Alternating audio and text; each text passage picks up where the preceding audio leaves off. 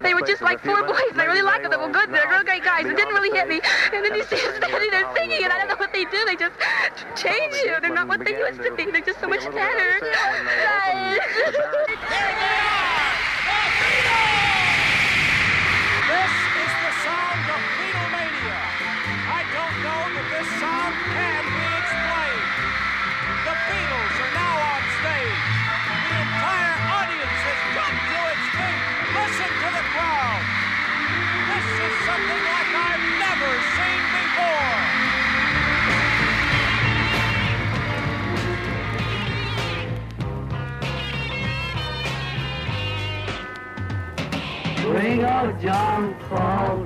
מסע הקסם המסתורי, סיפורה של להקת החיפושיות. מסע הקסם המסתורי, סדרת תוכניות בעריכת יואב קוטנר. והשבוע פרק 12, איני יכול לקנות אהבה. תחילת הביטלמניה בארצות הברית.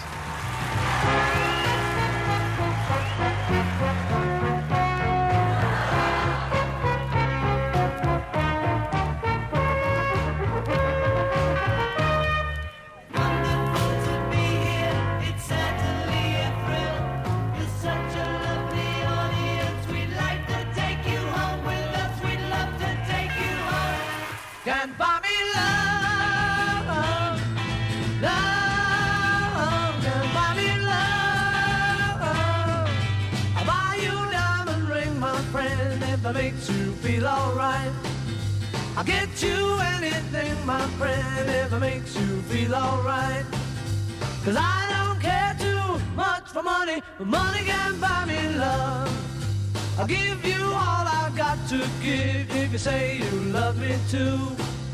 I may not have a lot to give, but what I got I'll give to you. I don't care too much for money, but money can buy me love, can buy me love. Everybody tells me so, can buy me love. No, no, no, no, say you don't שלום לכם.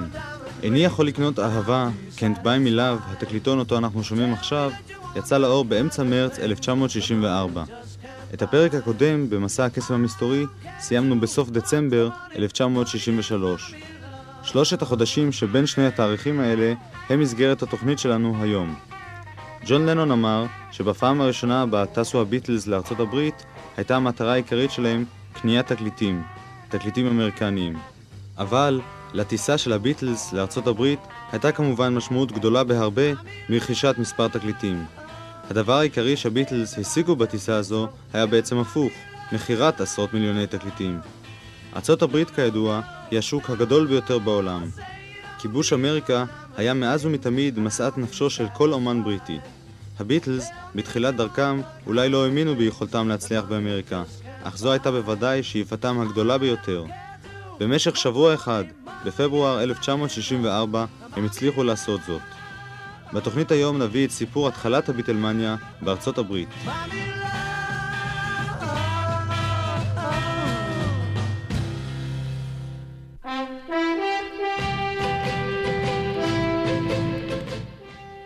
מתקפת הביטלס על אמריקה התחילה עוד בשנת 1963. בחמישי בנובמבר, יום לאחר המופע המלכותי, טס בריין אפשטיין לניו יורק כדי לנסות וליצור קשרים ראשונים עם אמרגנים אמריקניים. באמריקה התייחסו לביטלס כמו לכל כוכב פופ בריטי, כחיקוי עלוב של הצליל האמריקני. היחס הזה נוצר משנים רבות בהם שלטו כוכבי זמר אמריקניים בשוק האנגלי. השוק האנגלי נראה זעיר ובלתי חשוב ביחס לשוק האמריקני, על כל תחנות השידור ואלפי חנויות התקליטים שבו. אפילו הכוכב הבריטי הגדול ביותר, קליף ריצ'ארד, ניסה רק פעם אחת לערוך סיבוב הופעות באמריקה ונאלץ להפסיק את הסיבוב באמצע. פול מקארטני מספר על הימים שלפני אמריקה. One of the big things about the Beatles, which I always think new groups should should take as a bit of advice, was that we were cheeky enough to say we won't go to the States ever till we've got a number one record in the States. so we were offered tours, but we knew we'd be second to someone, and we didn't want that. And there were a lot of artists still from here who go over. They vanish. Uh, Cliff Richard still trying to make it in the States. And we always looked at it logically and thought, well, that's the mistake. אחד הדברים שהיו גדולים בביטלס, ואני חושב שלהקות חדשות יכולות ללמוד את זה מאיתנו, זה שהיינו חכמים מספיק להגיד שלא ניסה להופיע באמריקה לעולם, אלא אם כן יהיה לנו תקליט במקום הראשון במצעד האמריקני. הציעו לנו סיבובי הופעות באמריקה, אבל ידענו שנהיה כינור שני למישהו ולא רצינו את זה. יש הרבה להקות אנגליות שמגיעות לארצות הברית ונעלמות. קליף ריצ'רד מנסה עד היום. תמיד הסתכלנו על זה בצורה הגיונית וחשבנו שזאת בדיוק הטעות. צריך להגיע לארצות הברית רק כמספר אחד. So there was a lot of careful thought here. We were cooking up this act, the Beatles. It was very European, very sort of British, as opposed to like the standard American way of doing things. A very definite way that the Americans did it, the American dream. I just think that like Americans had it going one certain way, and the Beatles was just such a different thing that we'd been cooking up. We'd been taking all the influences from America, distilling them in a British way. We'd, we, a lot of things had been happening just with our own chemistry, because you had John and I were strong writers. George, who was like a, a third writer. Ringo, who had like a good head on his shoulders and was by no means thick. הייתה כאן הרבה מחשבה זהירה ותכנון. בישלנו את המופע שלנו במשך זמן רב. המופע שלנו היה מאוד אירופאי, מאוד בריטי, בניגוד לסטנדרט האמריקני, לפרנק סינטרה, אלוויס פרסלי ואחרים. לאמריקנים יש דרך משלהם לעשות את זה, להגיע אל החלום האמריקני. לאמריקנים הייתה הדרך האופיינית שלהם, ואנחנו, בביטלס, לקחנו הרבה השפעות מהאמריקנים, אבל הפכנו אותן לאנגליות. היינו שונים מאוד. הרבה דברים קרו אצלנו בגלל הכימיה בינינו. אני וג'ון למשל היינו היוצרים. גם ג'ורג' היה יוצר, ורינגו היה בן אדם עם ראש על הכתפיים. We had developed our act. By the time we came to America, we had a number one record, which we had been work. We'd worked that out. We were playing in Paris at the time, and Telegram came, and we all jumped on each other's backs and ran around everywhere. So we went to America. There it all was what we'd planned might happen. But we were lucky, and it, it, it went much further than we'd ever imagined. But um, say, actually, we'd thought the whole thing out. And so there was like a combination of all this thing, America being what it was, and us coming with this whole new thing that we thought out, based on the old thing, but with our own sort of variations on it, all the little success we've been having in Britain. אנחנו פיתחנו את ההופעה שלנו. כשהגענו לאמריקה היה לנו להיט במקום הראשון, ואנחנו ממש עבדנו קשה להגיע לכך. באותו זמן ניגענו בפריס, וכשהמברק הגיע השתוללנו מרוב שמחה. אז נסענו לארצות הברית, ושם קרה כל מה שתכננו. למזלנו זה הצליח עוד יותר ממה שקיווינו, אבל למעשה הכל היה מתוכנן מראש. אמריקה הייתה הצלחה חדשה על בסיס של משהו שכבר היה לנו, עם הבדלים קטנים. What's left to do? You've conquered everyone. Say America. Oh yeah, of course, yeah. We say America. Watch out. העיתונאים בבריטניה נהגו לשאול אותנו מה נשאר לכם לעשות. כבר הצלחתם לכבוש הכל. אנחנו היינו עונים, עכשיו, אמריקה. אמריקה, התכונני.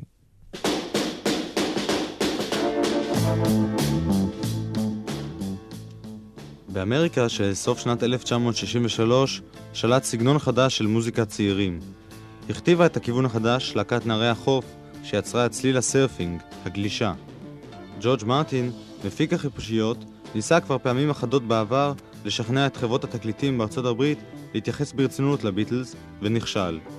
כשהשיר "Please Please Me" הגיע למקום הראשון בבריטניה, ניסה מרטין לשכנע את חברת EMI בארצות הברית להוציא את השיר שם בחברת הבת שלה, קפיטול, אך נענה בשלילה.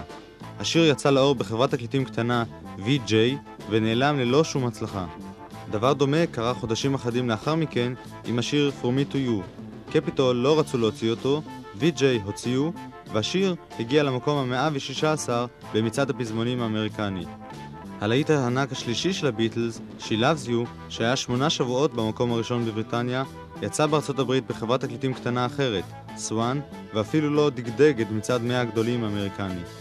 היה אמריקני אחד לפחות, שכן האמין מההתחלה בכוחם של הביטלס. אחד מגדולי האמרגנים באמריקה, סיד ברנשטיין. הוא התרשם מאוד ממה שהוא קרא בעיתונים הבריטיים על הביטלס, והחליט לנסות ולהביא אותם לאמריקה. במשך זמן ארוך הוא ניסה ליצור קשרים עם בריין אפשטיין ולא הצליח. ברנשטיין החליט לקחת סיכון ולהזמין מראש תאריך להופעה בקרנגי הול. התאריך הפנוי הקרוב ביותר היה ה-12 בפברואר. בריין אפשטיין והביטלס כלל לא ידעו זאת. כשבריין אפשטיין הגיע לניו יורק, הוא הצליח לקבוע פגישה בחברת קפיטול, והצליח לעניין את אנשי החברה בלהיט הבא של הביטלס, אני רוצה לאחוז בידך. הם לא ציפו מהשיר הזה לגדולות, ודחו את מועד הוצאתו לשוק לאמצע ינואר 64.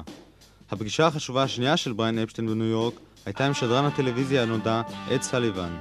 בתוכניתו של אד סליבן ששודרה בכל רחבי ארצות הברית התגלו כישרונות רבים, ביניהם אלוויס פרסלי.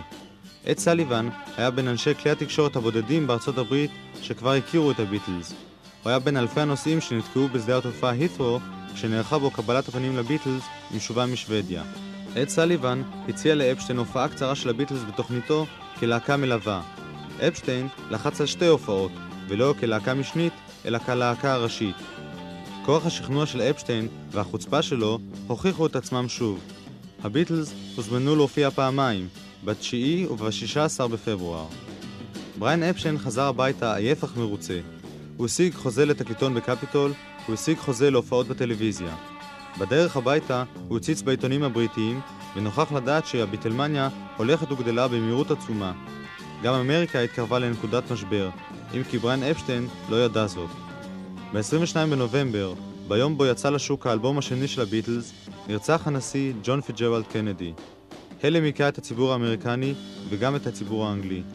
רבים טוענים שרציחתו של הנשיא קנדי הביאה את הנוער האמריקני למצב נפשי כזה שהוא היה מוכן לביטלמניה, מוכן להזדהות ולהתפרקות עם אלילים חדשים. פרופסור קארל ברלס, ראש הפקולטה לאמנות של אוניברסיטת ברנדס ושל אוניברסיטת מסצ'וסטס, כתב בספרו The Story of Rock על הרקע להצלחת הביטלס בארצות הברית. המוסיקה של החיפושיות הופיעה בארצות הברית ב-1964 וזעזעה את שוק התקליטים בהצלחתה המדהימה. בולמוס ההתרגשות היה גדול יותר מכל היסטריה קודמת שהכירה אמריקה. תקליטים אנגליים הגיעו לשוק האמריקני גם לפני בוא הביטלס, בעיקר אומני סקיפל שהצליחו בסוף שנות החמישים. אבל בדרך כלל היה הזרם המוסיקלי בכיוון ההפוך, מארצות הברית לבריטניה ולשאר ארצות העולם. רוב האומנים הבריטים המצליחים במולדתם נראו כחיקויים לכוכבי רוק אמריקנים. הכינוי המוצלח ביותר לזמר הבריטי היה אלוויס של בריטניה הגדולה. אפילו קליף ריצ'רד לא יצר שום רושם על השוק האמריקני.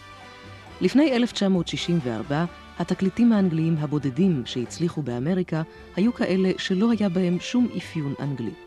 במקרה של הביטלס, המקורות האנגליים היו ברורים מאוד לקהל האמריקני.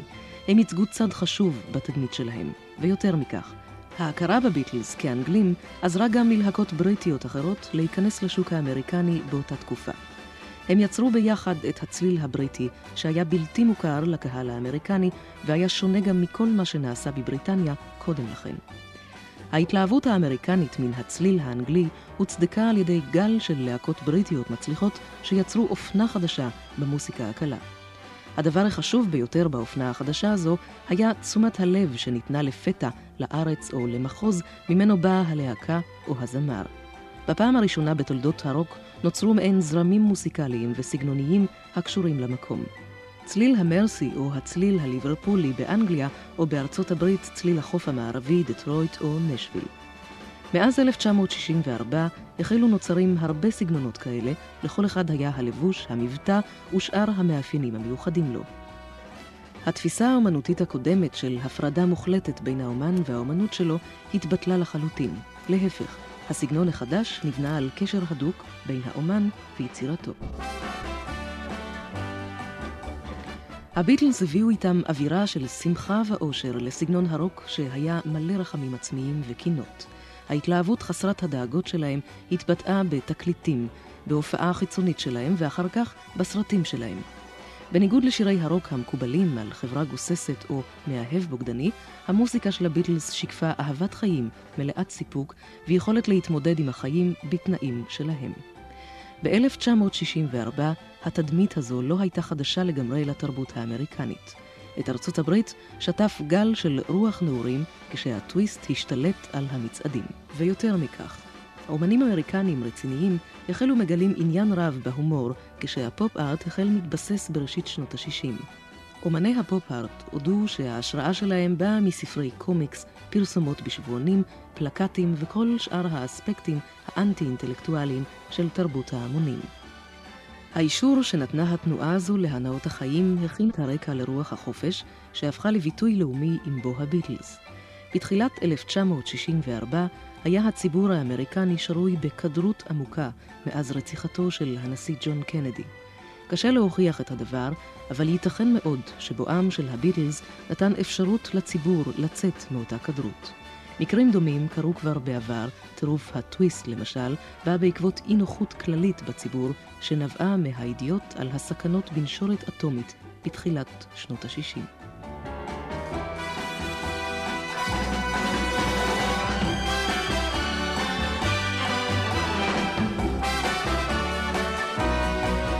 הדברים האלה נכתבו כאמור אחרי שהביטלמניה הייתה כבר תופעה מוכרת בארצות הברית. אנחנו חוזרים אחורה אל ינואר 64.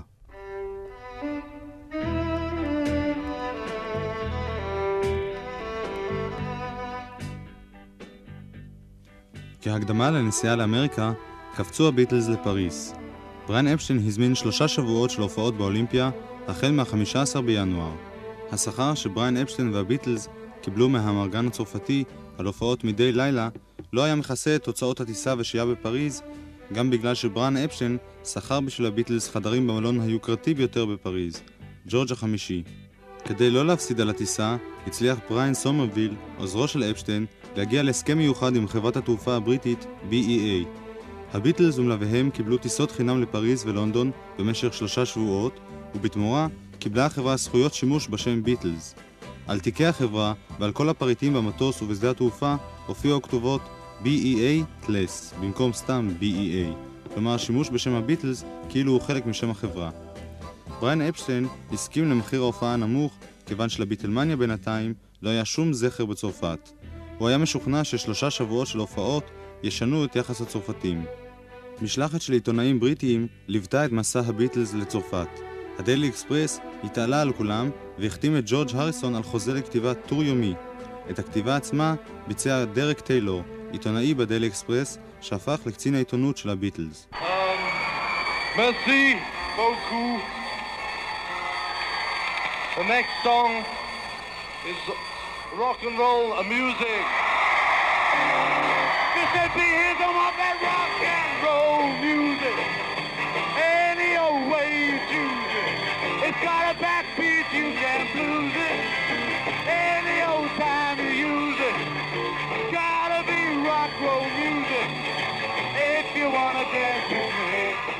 ההופעות של הביטלס בפריז היו כישלון. הקהל כמעט ולא היה מוכן לשמוע שירים מקוריים שלהם, והעדיף קטעי רוקנרול מוכרים. יותר מכך, הקהל בא להופעות בעיקר כדי לראות את שני כוכבי המופע האחרים, טריני לופז וסילבי ורטן. בערב הקונצרט הראשון התאספו עיתונאים בריטיים וצרפתיים רבים לראיין את הביטלס. הביטלס עצמם ישנו עד שלוש אחר הצהריים, כשאחד העוזרים שלהם ניסה להעיר אותם והודיע להם שכתבי הפארי מאץ' מחכים להם כבר כמה שעות, שאל אותו ג'ון, פארי מאץ'? האם הם חשובים כמו המיוזיקל אקספרס? לאחר אחת ההופעות פרצה תגרה של ממש בין ג'ון ובין עיתונאים צרפתיים שניסו להיכנס לחדר ההלבשה של החיפושיות. גם ההופעות עצמם היו שרשרת של תקלות טכניות, אי הבנות ואכזבות לקהל ולביטלס גם יחד. לרינגו הסבר פשוט לסיבות הכישלון שלהם בפריז. הוא טוען שזה נבע מכך שרוב הקהל היה גברי. It's only Paris where they're different when you get more fellas than girls, you know. That's in Paris? In Paris, yeah. What, uh, do they have the same acceptance, though, even though the crowd is different? Yeah, but instead of a scream, you get a roar, you know, instead of ah, you get וג'ון, שנשאל אחרי הופעה כושלת, הצרפתים עוד לא החליטו מה דעתם על הביטלס, מה דעתך עליהם? השיב, אה, אנחנו אוהבים מאוד את הביטלס, הם מצוינים. מתברר שהביטלמניה הייתה בינתיים עניין אנגלי מאוד. הביטלס הסתובבו במשך שעות היום ברחובות פריז בלי שאיש יזהה אותם, אך למרות האכזבה, הניב הביקור בצרפת תוצאות אחדות. הראשונה הייתה הצלחתו של האמרגן האמריקני סיד ברנשטיין ליצור סוף סוף קשר עם בריין אפשטיין ולקבוע איתו שתי הופעות של הביטלס בארצות הברית. התוצאה השנייה הייתה פחות חשובה לעתיד של החיפושיות, הקלטת שני שירים בגרמנית. כשהביטלס היו בפריס, הגיע לשם גם מפיק ההקלטות שלהם, ג'ורג' מרטין. הוא הגיע במיוחד כדי להקליט איתם שתי גרסאות גרמניות לשני להיטים שלהם, She Loves You ו-I Want to Hold Your Hand. יחסי הציבור של הביטלס הציגו את שתי ההקלטות האלה כמחווה של הביטלס לגרמניה, בה הם הופיעו בתחילת דרכם. ג'ורג' מרטין מספר בספר האוטוביוגרפי שלו את האמת על ההקלטות האלה. בסוף 1963 כבשנו את אנגליה לחלוטין. עכשיו ניסינו לכבוש את אמריקה ואת אירופה. אנשי EMI בגרמניה נתקפו לפתע בפטריוטיות מוזרה והתעקשו על כך שהביטלס יקליטו בגרמנית כדי לשבור את השוק שם. הביטלס עצמם חשבו שזאת שטות מוחלטת. גם אני לא הסכמתי עם כך, אבל לא רציתי לתת לגרמנים תירוץ לא למכור את תקליטי הביטלס. אז אחרי ויכוחים אחדים שכנעתי את ג'ון ופול להקליט מחדש את "אני רוצה לאחוז בידך" ואת "היא אוהבת אותך". את המילים בגרמנית הביא לנו גרמני אחד, שבא גם לאולפן ההקלטה כדי לוודא שהמבטא שלהם יהיה מדויק. לא הבנתי במבטא, אבל ראיתי שהמילים היו כמעט תרגום מדויק. de: Sie liebt dich, ja ja ja, נשמע לי כמו חיקוי מצחיק של פיטר סלרס לחיפושיות. אחרי ריב רציני מאוד בינינו, הריב הגדול הראשון, הקלטנו את השירים. הם כמובן צדקו. תקליטי הביטלס באנגלית נמכרו במיליוני עותקים בכל ארץ, כולל בגרמניה. מאז לא ניסינו אף פעם להקליט בשפות זרות. שני השירים של הביטלס בגרמנית הוקלטו כאמור בפריז בינואר 1964. הם יצאו לאור חודשיים לאחר מכן. אנחנו נשמע את שני השירים עכשיו.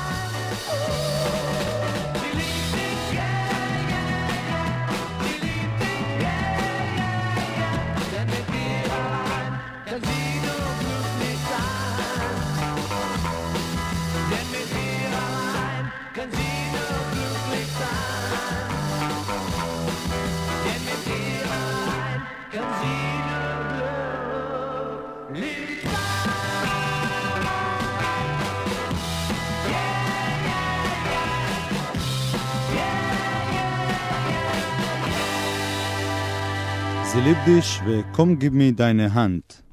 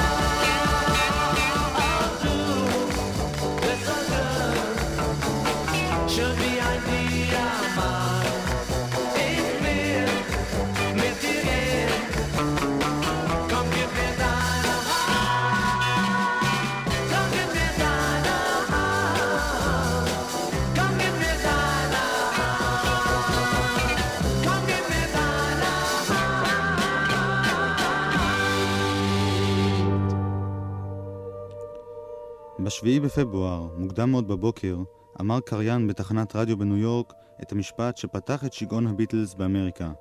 השעה עתה היא 6:30 בבוקר, לפי שעון הביטלס. הם עזבו את לונדון לפני 30 דקות, ועכשיו הם מעל האוקיינוס. מזג האוויר הוא 32 מעלות ביטלס. Oh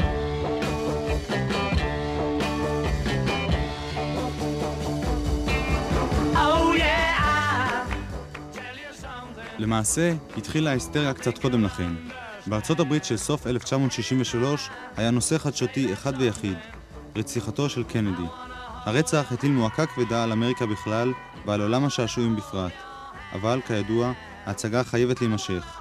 חברת קפיטול תכננה להוציא את I want to hold your hand אחרי הקריסטמס, אבל איזשהו שדרן תקליטים בוושינגטון השיג עותק אנגלי של השיר והחל משדר אותו, עוד לפני שהוא יצא בארצות הברית. השדרן גם שלח העתק של השיר לחבר שלו בתחנת רדיו בשיקגו. משם הגיע העתק שלישי אל סנט לואיס. תוך ימים אחדים הפך השיר ללהיט המושמע ביותר בכל רחבי ארצות הברית. חברת קפיטול, שהתלבטה בהתחלה אם להוציא את התקליט במהדורה מצומצמת של 200 אלף עותקים, לא עמדה עכשיו בקצב. היא נאלצה להדפיס תקליטונים גם במפעלים של חברות אחרות כדי לעמוד בביקוש. כשהגיעה הידיעה על בריין אפשטיין והביטלס בפריז, הגיעו כבר מכירות התקליטון למיליון וחצי עותקים. למחרת הייתה עיתונות אמריקנית בפאניקה ממש. לייף, וושינגטון פוסט, ניו יורק טיימס וכל רשתות השידור שיגרו מיד נציגים לפריז לראיין את ארבעת הצעירים האלמוניים האלה שכבשו בן לילה את אמריקה. הביטלס התעוררו בפריז בצהריים למסיבת העיתונאים האמריקנית הראשונה שלהם. בניו יורק באותו זמן, ובכל החצי השני של ינואר, היה צליל אחד, ביטלס. כל תחנות הרדיו שידרו כל כמה דקות תקליט של הביטלס. חברת קפיטול הוציאה את האלבום השני של הביטלס בשם חדש, פגשו את החיפושיות, Meet the Beatles. הוא נכנס מיד לצמרת מצעדי המכירות. גם חברת VJ, שהוציאה את האלבום הראשון, מיהרה להוציא אותו שוב לשוק. חברה שלישית, MGM, שהייתה בעלת הזכויות על מי בוני, מיהרה להוציא את ההקלטות הישנות של הביטלס מהמבורג לשוק. מיליון חולצות טריקו ועליהם תצלום של הביטלס נמכרו בו ביום בו הוצאו. חברת קפיטול השקיעה סכום חסר תקדים במסע פרסום עצום לקראת בואם של הביטלס לארצות הברית בשביעי בפברואר. הם הדפיסו חמישה מיליון פוסטרים ומדבקות למכוניות תחת הכותרת "הביטלס באים". תקליטי דוגמה וחוברת של הפרטים האישיים של הביטלס נשלחו לכל תחנות הרדיו בארצות הברית. במערכת תוכנית הטלוויזיה של אד סליבן הגיעו 50 אלף הזמנות ל-700 מקומות הישיבה לשידור הצפוי ב-9 בפברואר. אף כיסא פנוי לא נשאר בוושינגטון קולוסיאום, בו עתיד להתרחש הקונצרט הראשון של הביטלס בארצות הברית. גם לא בקרנגי הול, בו תוכננו שני קונצרטים נוספים. למרות כל ההכנות האלה, חששו מארגני המופעים של הביטלס, שאומנם הביטלס יגיעו, אך הביטלמניה לא. שליחו המיוחד של בריין אפשטיין לארצות הברית חשש מאוד שהביטלס ינחתו בנמל התעופה, ואיש לא יקבל אותם. הוא פנה לשתי תחנות רדיו גדולות בארצות הברית, ושכנע אותן, תמורת תשלום כמובן, להודיע מדי 15 דקות שמובטח פרס של חולצת ביטלס פלוס שטר בן דולר לכל נער או נערה שיבואו לקבל את פני הביטלס בנמל התעופה קנדי. הביטלס עצמם המריאו מנמל התעופה הית'רו כשהם מלווים בצרחות ובדגלים של אלף צעירים. עיתונאים תיארו את עזיבתם כמעוררת הסערה הגדולה ביותר מאז טיסתו של צ'מברלין למינכן ב-1938. במטוס לאמריקה נלוותה לביטלס פמליה ענקית, עוזרים, אנשי הפקה, עיתונאים וידידים רבים, ביניהם המפיק האמריקני פיל ספקטור. במחלקה הזולה יותר במטוס ישבו ניל אספינול ומל אבנס והתאמנו במשך כל הטיסה בחיקוי החתימות של הביטלס. הם חתמו על אלפי תמונות של הארבעה. הביטלס, למרות שכלפי חוץ נראו עליזים ולא אכפתיים, היו באמת מלאי חששות. איש לא יכל להבטיח להם שהם יצליחו יותר מקליף ריצ'ארד. פול מקארטני הזכיר בדרך את כל הכוכבים האמריקנים הגדולים שמצליחים בארצות הברית, ואמר, יש להם את כל מה שהם צריכים כאן, בשביל מה הם רוצים אותנו. כשהגיעו הביטלס לנמל התעופה, ציפו להם שם למעלה מחמשת אלפים איש. לביטלס לא היה מושג שהצעירים האלה מחכים להם. הם היו בטוחים שנשיא ארצות הברית עומד לנחות בכל רגע. הייתה זו כמות הקהל הגדולה ביותר שהביטלס ראו אי פעם. הם יצרו את הרעש הגדול ביותר בו נתקלו הארבעה עד כה. ג'ון, פול, ג'ורג' ורינגו נחתו באמריקה ונדהמו מהמימדים החדשים. בנמל התעופה חיכו להם 200 עיתונאים שהתנפלו עליהם במסיבת העיתונאים הראשונה. האם אתם מתכוננים להסתפר בזמן שהותכם באמריקה? ג'ון, הסתפרנו אתמול. האם תשאירו לנו משהו? ג'ון, קודם כל תנו לנו כסף. מה סוד ההצלחה שלכם? ג'ורג', אם היינו יודעים, כל אחד מאיתנו היה מקים להקה משלו. ג'ון, האם המשפחה שלך בעסקי השעשועים? כן, אבא שלי תמיד אמר שאימא שלי עושה הצגות.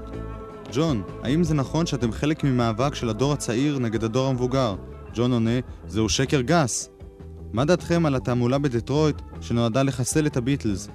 פול עונה, יש לנו תעמולה משלנו, לחסל את דטרויט. את רינגו שאלו, אתם מזכירים את בטהובן באחד השירים שלכם, מה אתם חושבים עליו? ורינגו השיב, אה, אני אוהב את בטהובן, בעיקר את השירה שלו. האם יש לך מסר לאמריקה? כן, השיב ג'ורג', המסר שלנו, קנו יותר תקליטי ביטלס. האם אתם חושבים לקחת משהו מכאן? כן, ענה ג'ון, את מרכז רוקפלר. פול מקארטני סיפר אחרי שנים אחדות על הפעם הראשונה שלו באמריקה. כשהגענו היה בלאגן רציני מאוד בשדה התעופה. כל תחנות הרדיו ניגנו את השירים שלנו והכל הסתדר כמו שרצינו. הכל היה נפלא, היינו שם והיו כל הראיונות העיתונאיים הנהדרים האלה. אף פעם לא חשבתי שאני כל כך טוב במסיבות עיתונאים, אני לא טיפוס כזה. ג'ון היה הרבה יותר טוב ממני בהערות עוקצניות וגם רינגו היה טוב בזה. אבל מהר מאוד הכל הסתדר וכולנו למדנו לענות בצורה מתוחכמת. האמת היא שלא תמיד העיתונאים רדפו אחרינו. כל כך רצינו להצליח באמריקה, כל כך היה חשוב לנו הרדיו שלהם, שמדי פעם היינו נוהגים להתקשר לעיתונאים ולהזמין אותם לראיין אותנו. זה היה כמו קסם בשבילנו. רק עכשיו הגענו לאמריקה, ארץ ההבטחות, וכולם מתנפלים עלינו. פגשנו את פיל ספקטור ואת כל האנשים שניגנו את הרוק והבלוז, מה עוד יכולנו לבקש? פול מקארטני היו גם אנשים שלא כל כך היו מרוצים מכך שהביטלס נחתו באמריקה. הנה שניים כאלה, עם קריין אמריקני שמראיין אותם. Of course, there are sometimes distraught fathers who shake their heads in confused disbelief after watching their daughters wilt under the emotional strain of idol worship. It's a mob, you know. They're just a part of the mob. I mean, they're, they're monkey see, monkey do, so they come running. That's all. Just like a bunch of monkeys, you know? And let's not forget some of those adult mothers who accompany youngsters to airport fan club rallies. You look like a housewife. Are you out here to see the Beatles? Oh, you must be kidding. My husband's coming, and otherwise, do you think I'd fight this motley crew? But whether you're a fan or a critic, Beatlemania is a reality.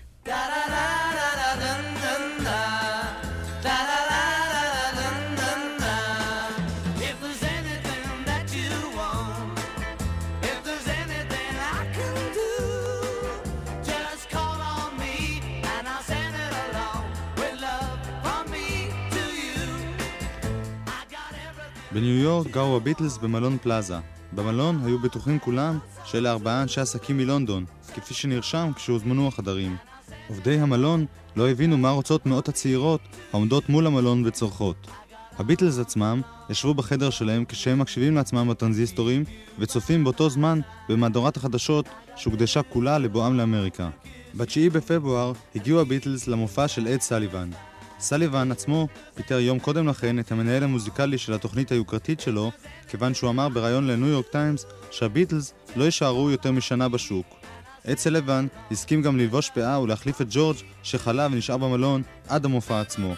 את המופע של אד סליבן ראו 70 מיליון בני אדם, 60% מכל צופי הטלוויזיה בארצות הברית. בתחילת המופע הקריא אד סליבן מברק ברכה שהגיע מאלוויס פרסלי. לנערים מליברפול, שגדלו בהערצה עצומה לאלוויס, היה זה אחד הרגעים הגדולים ביותר בקריירה שלהם. נשמע עכשיו הקלטה נדירה מתוך הפעם הראשונה שבה ראו 70 מיליון אמריקנים את הביטלס בטלוויזיה.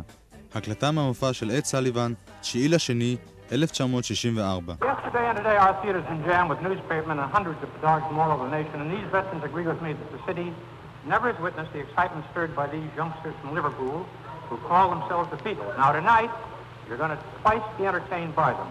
Right now, and again in the second half of our show. Ladies and gentlemen, the Beatles!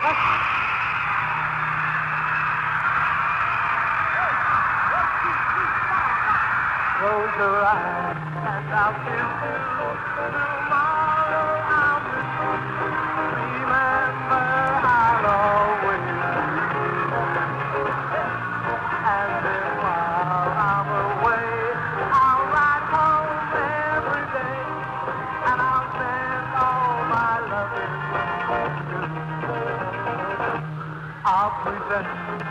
that I'm kissing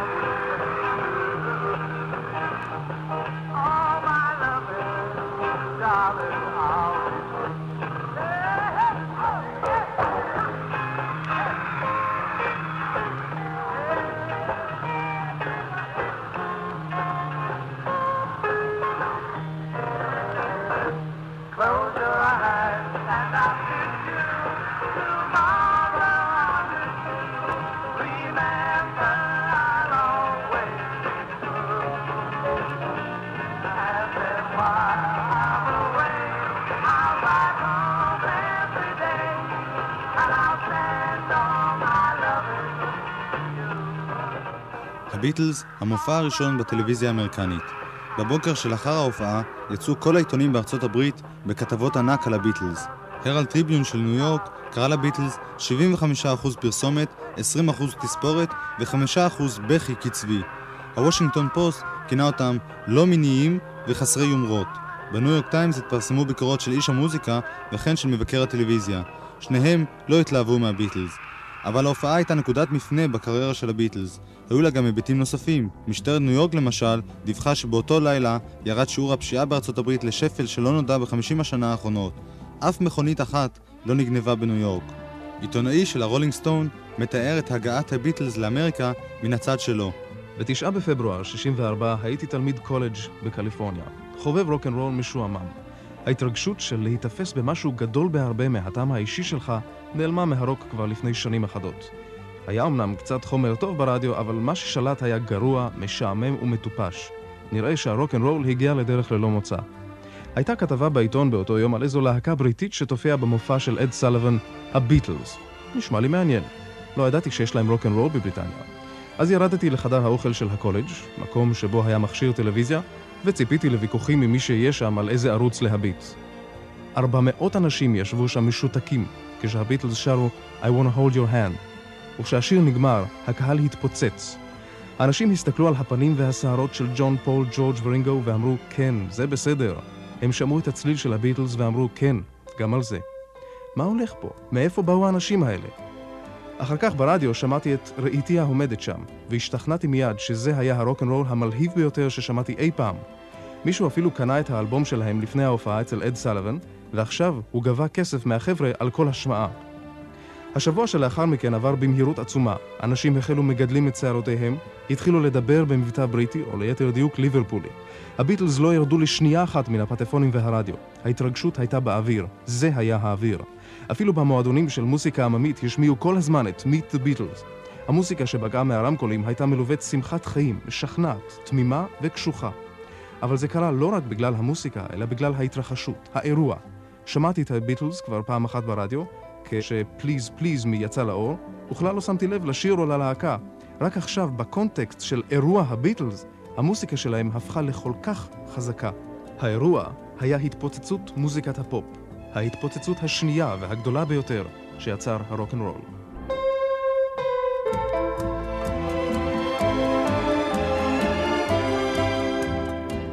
למחרת ההופעה אצל אד סליבן הובאו הביטלס לאחד מאולמות מלון הפלאזה כדי לתת את מסיבת העיתונאים הגדולה ביותר בקריירה שלהם עד כה. מה דעתך על מועדון הפלייבוי, פול? פול עונה, אני והפלייבוי סתם חברים טובים. ג'ורג', מדוע אינך עונד עניבה? ומדוע אינך לובשת כובע גברת? עונה ג'ורג'. מסיבת העיתונאים או החקירה העיתונאית נמשכה כל היום ללא הפסקת צהריים. הביטלס קיבלו ארוחה תוך כדי מסיבת העיתונאים. אני מצטערת להפריע לכם בארוחה, ג'ון, אבל מה תעשו בעוד חמש שנים? עדיין נאכל, ענה ג'ון.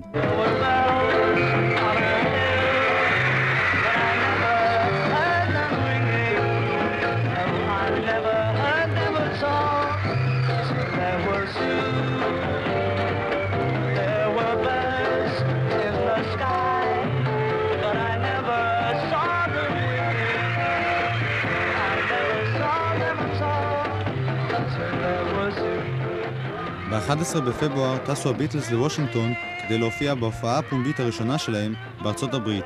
אנחנו שומעים עכשיו ברקע הקלטה נדירה מתוך ההופעה הזאת בוושינגטון. רינגו סטאר סיפר אחר כך על ההופעה. אני זוכר שחלק מהצופים אפילו זרק עלינו שקיות עם בובות גומי. זה כואב מאוד כשזה פוגע בך, אבל הם יכלו אפילו לקרוע אותי לגזרים ולא היה אכפת לי. איזה קהל נפלא הם היו. הייתי יכול לנגן בשבילהם כל הלילה.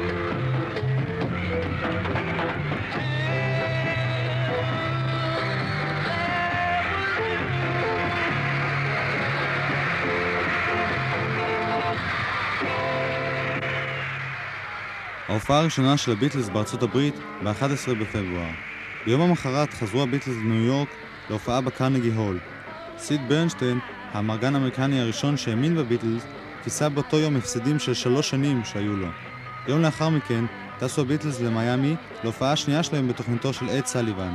בנמל התעופה חיכו להם הפעם ארבע מלכות יופי, שימפנזה אחת ושבעת אלפים מעריצים צורכים.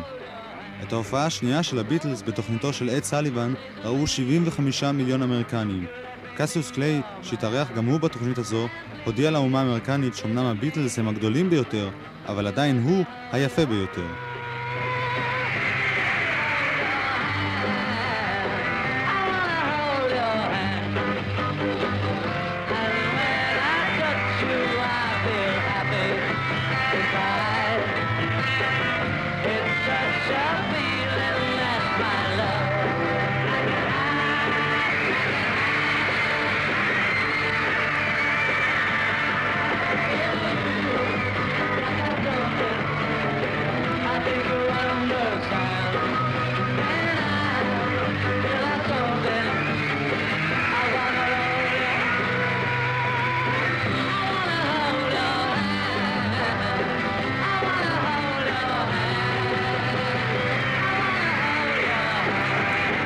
הביטלס בהופעות הראשונות בארצות הברית.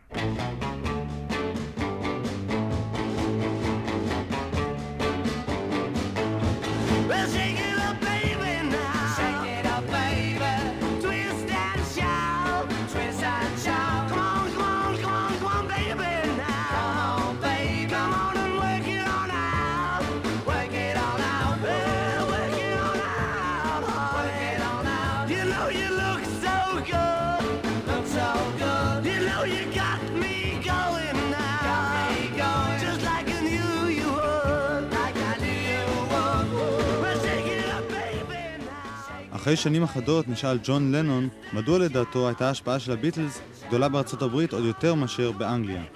הם אהבו אותנו מאותה סיבה שכוכבים אמריקאים מצליחים יותר באנגליה. הדשא של השכן ירוק יותר. ואנחנו היינו באמת מקצועיים כשהגענו לארצות הברית. למדנו את כל המשחק. כשהגענו לאמריקה, ידענו איך לטפל בעיתונות. העיתונות הבריטית היא הקשה ביותר בעולם. ידענו איך לטפל בכל. היינו בסדר. אני יודע שבמטוס בדרך הנה חשבתי שאולי לא נצליח כאן, אבל זה רק צד אחד בי. ידענו שנוכל להצליח כאן אם רק ייתנו לנו צ'אנס להוכיח את עצמנו. היינו דבר חדש באמת. הרגשנו שיש לנו מסר. המסר שלנו היה הקשיבו למוסיקה. זה היה כמו בהתחלה שלנו בליברפול. מעטים הקשיבו שם לאותה מוסיקה שאנחנו שמענו. וכשבאנו לאמריקה זה היה אותו דבר. אף אחד לא רצה להקשיב לרוק אנד רול או למוסיקה כושית באמריקה. באנו לארץ שבה המוזיקה הזאת צמחה, אבל אף אחד לא רצה לדעת על זה. ג'ון לנון, ושוב אל הצד האמריקני. בוב דילן, בספר האוטוביוגרפי שלו, שיצא ב-1971, תיאר את ההיכרות הראשונה שלו עם הביטלס. נסענו לקולורדו והרדיו היה פתוח, ושמונה מתוך עשרת השירים בראש המצעד היו שירים של הביטלס. תאר לעצמך, בקולורדו, אני רוצה לאחוז בידך וכל השירים המוקדמים האלה. הם עשו דברים שאף אחד לא עשה. האקורדים שלהם היו יוצאים מן הכלל, וההרמוניות שלהם הפכו את הכל למגובש. אבל שמרתי את זה שאני מחבב אותם לעצמי.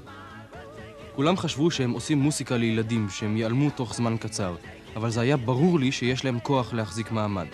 ידעתי שהם מצביעים לכיוון בו צריכה המוסיקה ללכת. בעיניי, ביטלס היו הדבר עצמו. התחלתי לחשוב את זה בקולורדו, אבל זה היה רחוק מדי. שמונה שירים בראש המצעד. נראה לי שזה קו ברור. זה היה משהו שלא קרה אף פעם בעבר.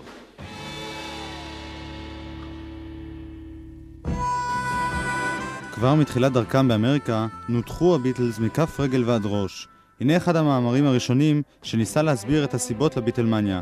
כתבה אמריקנית, כפי שהיא תורגמה אז בעיתון ישראלי. הנוער האמריקני מצא בחיפושיות נושא הערצה מושלם. ראשית, בגלל שהחיפושיות יוצאי דופן מכל הבחינות.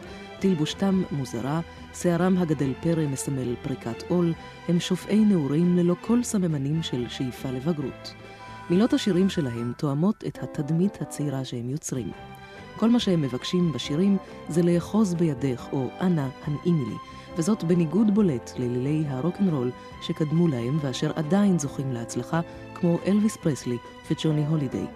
הרוקנרול היה מוציא את המאזינים מגדרם, משחרר בקרבם את קפיץ האלימות, מגרה את יצריהם הפרימיטיביים הרדומים, מעורר רצון להתנהג כמבוגרים, שהכל מותר להם. לא כן חיפושיות הקצב, גם בהופעותיהם מפיקים הצעירים צרחות הצורמות את אוזני המבוגרים, אך המוסיקה של החיפושיות שונה. זוהי הזדהות עם עולם הצעירים ולא עם עולם המבוגרים. אומר דוקטור לואיס פישר, פסיכולוג ניו יורקי נודע, המתמחה בבני הנעורים. מאז ומעולם הייתה התנגשות בין הדור הצעיר לבין הוריו. מאז ומתמיד רצו הצעירים להפגין את עצמאותם ואת ייחודם. נשים צרחו והתעלפו גם בהופעותיו של פרנץ ליסט. בגלל פרנק סינטרה נדדה שנתן של צעירות לפני עשרות שנים. אלוויס פרסלי עשה זאת בשלהי העשור הקודם. הערצת החיפושיות מהווה ריאקציה להערצת פרסלי. הנוער, אפילו בימינו, ביישן ומסוגר מטבעו. המיניות עודנה מעוררת אצלו מעצורים ומבוכה. פרסלי גירה, הסעיר, הטריד את המנוחה. קליף ריצ'רד והחיפושיות גורמים להתמוגגות נפש, להזדהות, לפורקן נעים. הביטלס חוזרים לבריטניה אחרי שבוע אחד בארצות הברית. עוד בפברואר הם מספיקים לסיים את הקלטת התקליטון הבא שלהם, שיוצא לאור באנגליה ב-20 במרץ. השיר נכתב בביקור באמריקה, והוא הוקלט ביום הולדתו ה-21 של ג'ורג' הריסון. השיר נקרא Can't Buy Me Love, איני יכול לקנות אהבה. פול מקארטני אמר על השיר הזה. אישית אני חושב שכל אחד יכול לפרש כל שיר כרצונו, אבל כשמישהו אמר ש-Can't Buy Me Love מדבר על זונות, זה כבר היה מוגזם, זה כבר היה באמת יותר מדי. Can't buy me love, love,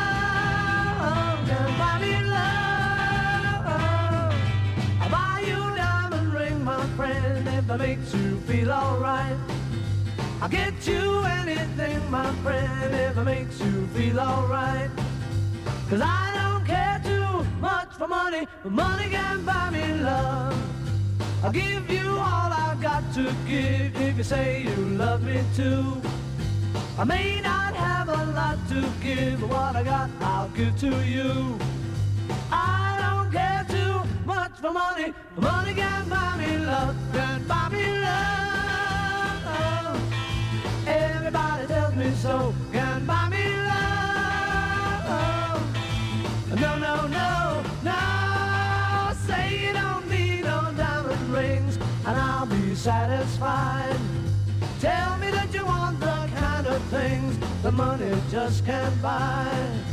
I don't care too much for money, money can buy me love.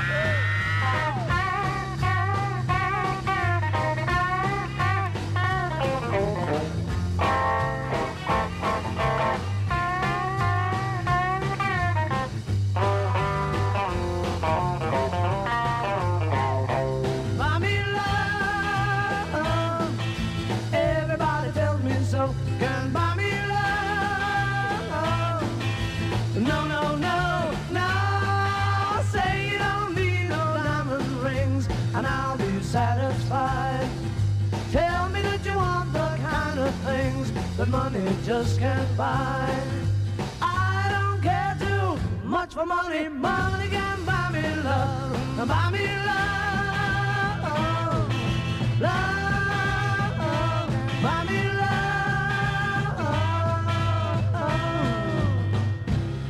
Buy me love, איני יכול לקנות אהבה. בצידו השני של התקליטון הזה מופיע השיר You Can't Do That. ג'ון לנון הגדיר את השיר הזה כניסיון הראשון שלו להישמע כמו ווילסון פיקט באותה תקופה. ג'ון אמר שהשיר הזה הגיע לצד ב' כיוון שאיני יכול לקנות אהבה שכתב פול מקארטני היה כל כך טוב. וילפריד מלרס, פרשן שירי הביטלס, אומר על השיר You Can't Do That. ג'ון שר את You Can't Do That בצורה כל כך שופעת חיים, שבכך הוא משלים את התהליך של שחרור רגשות שליליים. זוהי אולי הפעם הראשונה ששיר אנטי-אהבה שואב כל כך הרבה שמחה מההכרה באכזבה ובבגידה. המעברים המוסיקליים מבוצעים בהתלהבות משקרת. המבנה עצוב מאוד. זה צריך להיות אחד השירים הראשונים המצליח למזג בבת אחת תחושות וצלילים מינוריים ומז'וריים. הקטעים החוזרים על עצמם נשמעים מעט קומיים, וקטעי הביניים הם עצירה פתאומית. השיר נשמע גם כאיום וגם כהכרזה על זהות. אני נגד השאר ונגד אחדות האהבה. בשיר הזה טמונים ניצני השירים בתקופה השנייה של הביטלס. You can't do that, אינך יכולה לעשות זאת. ג'ון לנון מנגן בשיר הזה בגיטרה מובילה, ובפעם הראשונה בשירי הביטלס נוכל לשמוע כאן את ג'ורג' הרסון בגיטרה 12 מיתרים. בשיר הזה, You Can't Do That, נסיים את התוכנית היום.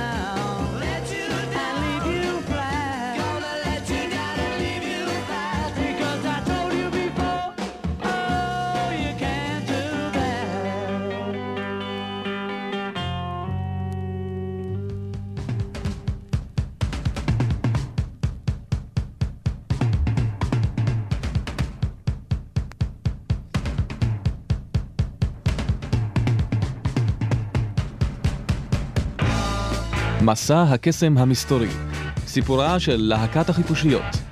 סדרת תוכניות בעריכת יואב קוטנר. שותף בעריכה עודד היילברונר. הקליט דורון זאב. בתוכנית הבאה, העט, החצי הראשון של שנת 1964.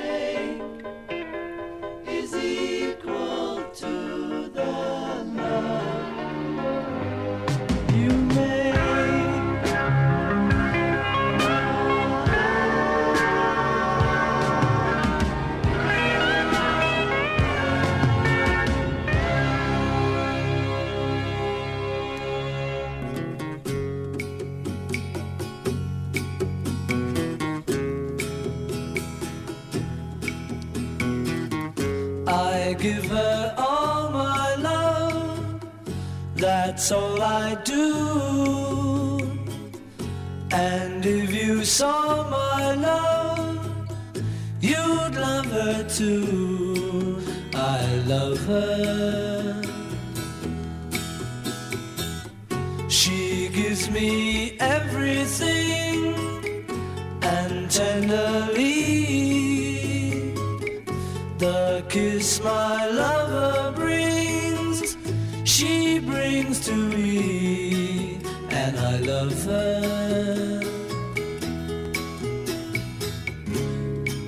love like ours could never die as long as I have you near me.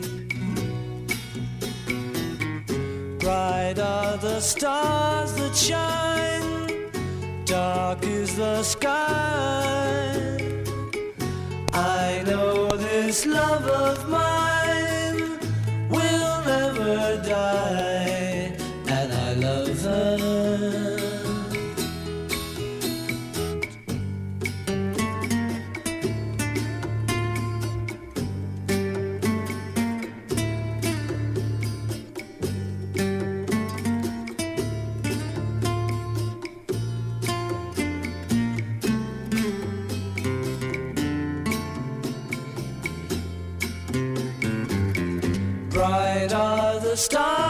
stars that shine, dark is the sky.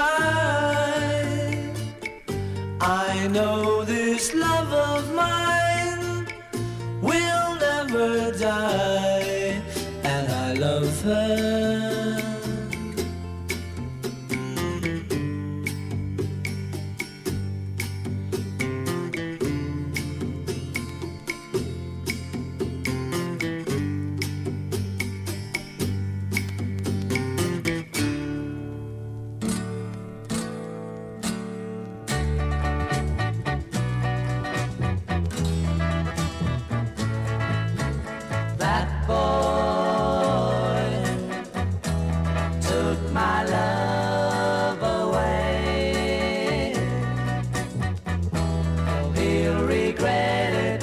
Someday.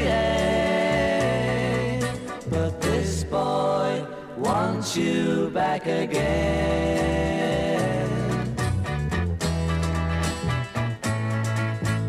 That boy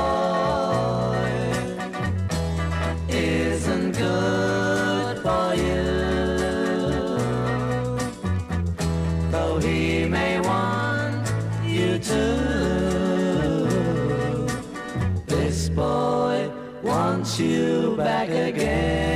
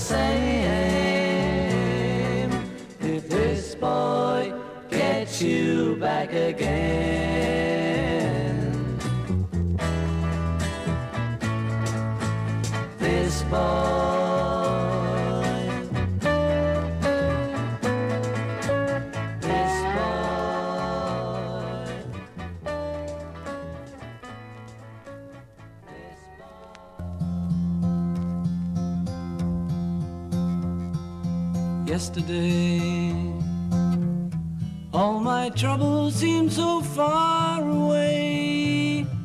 Now it looks as though they're here to stay. Oh, I believe in yesterday.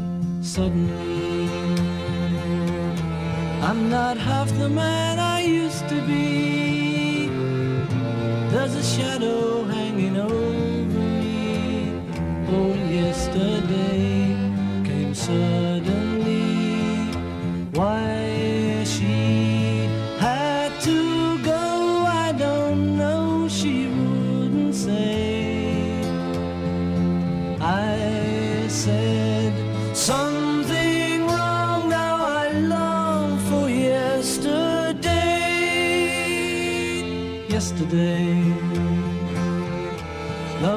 such an easy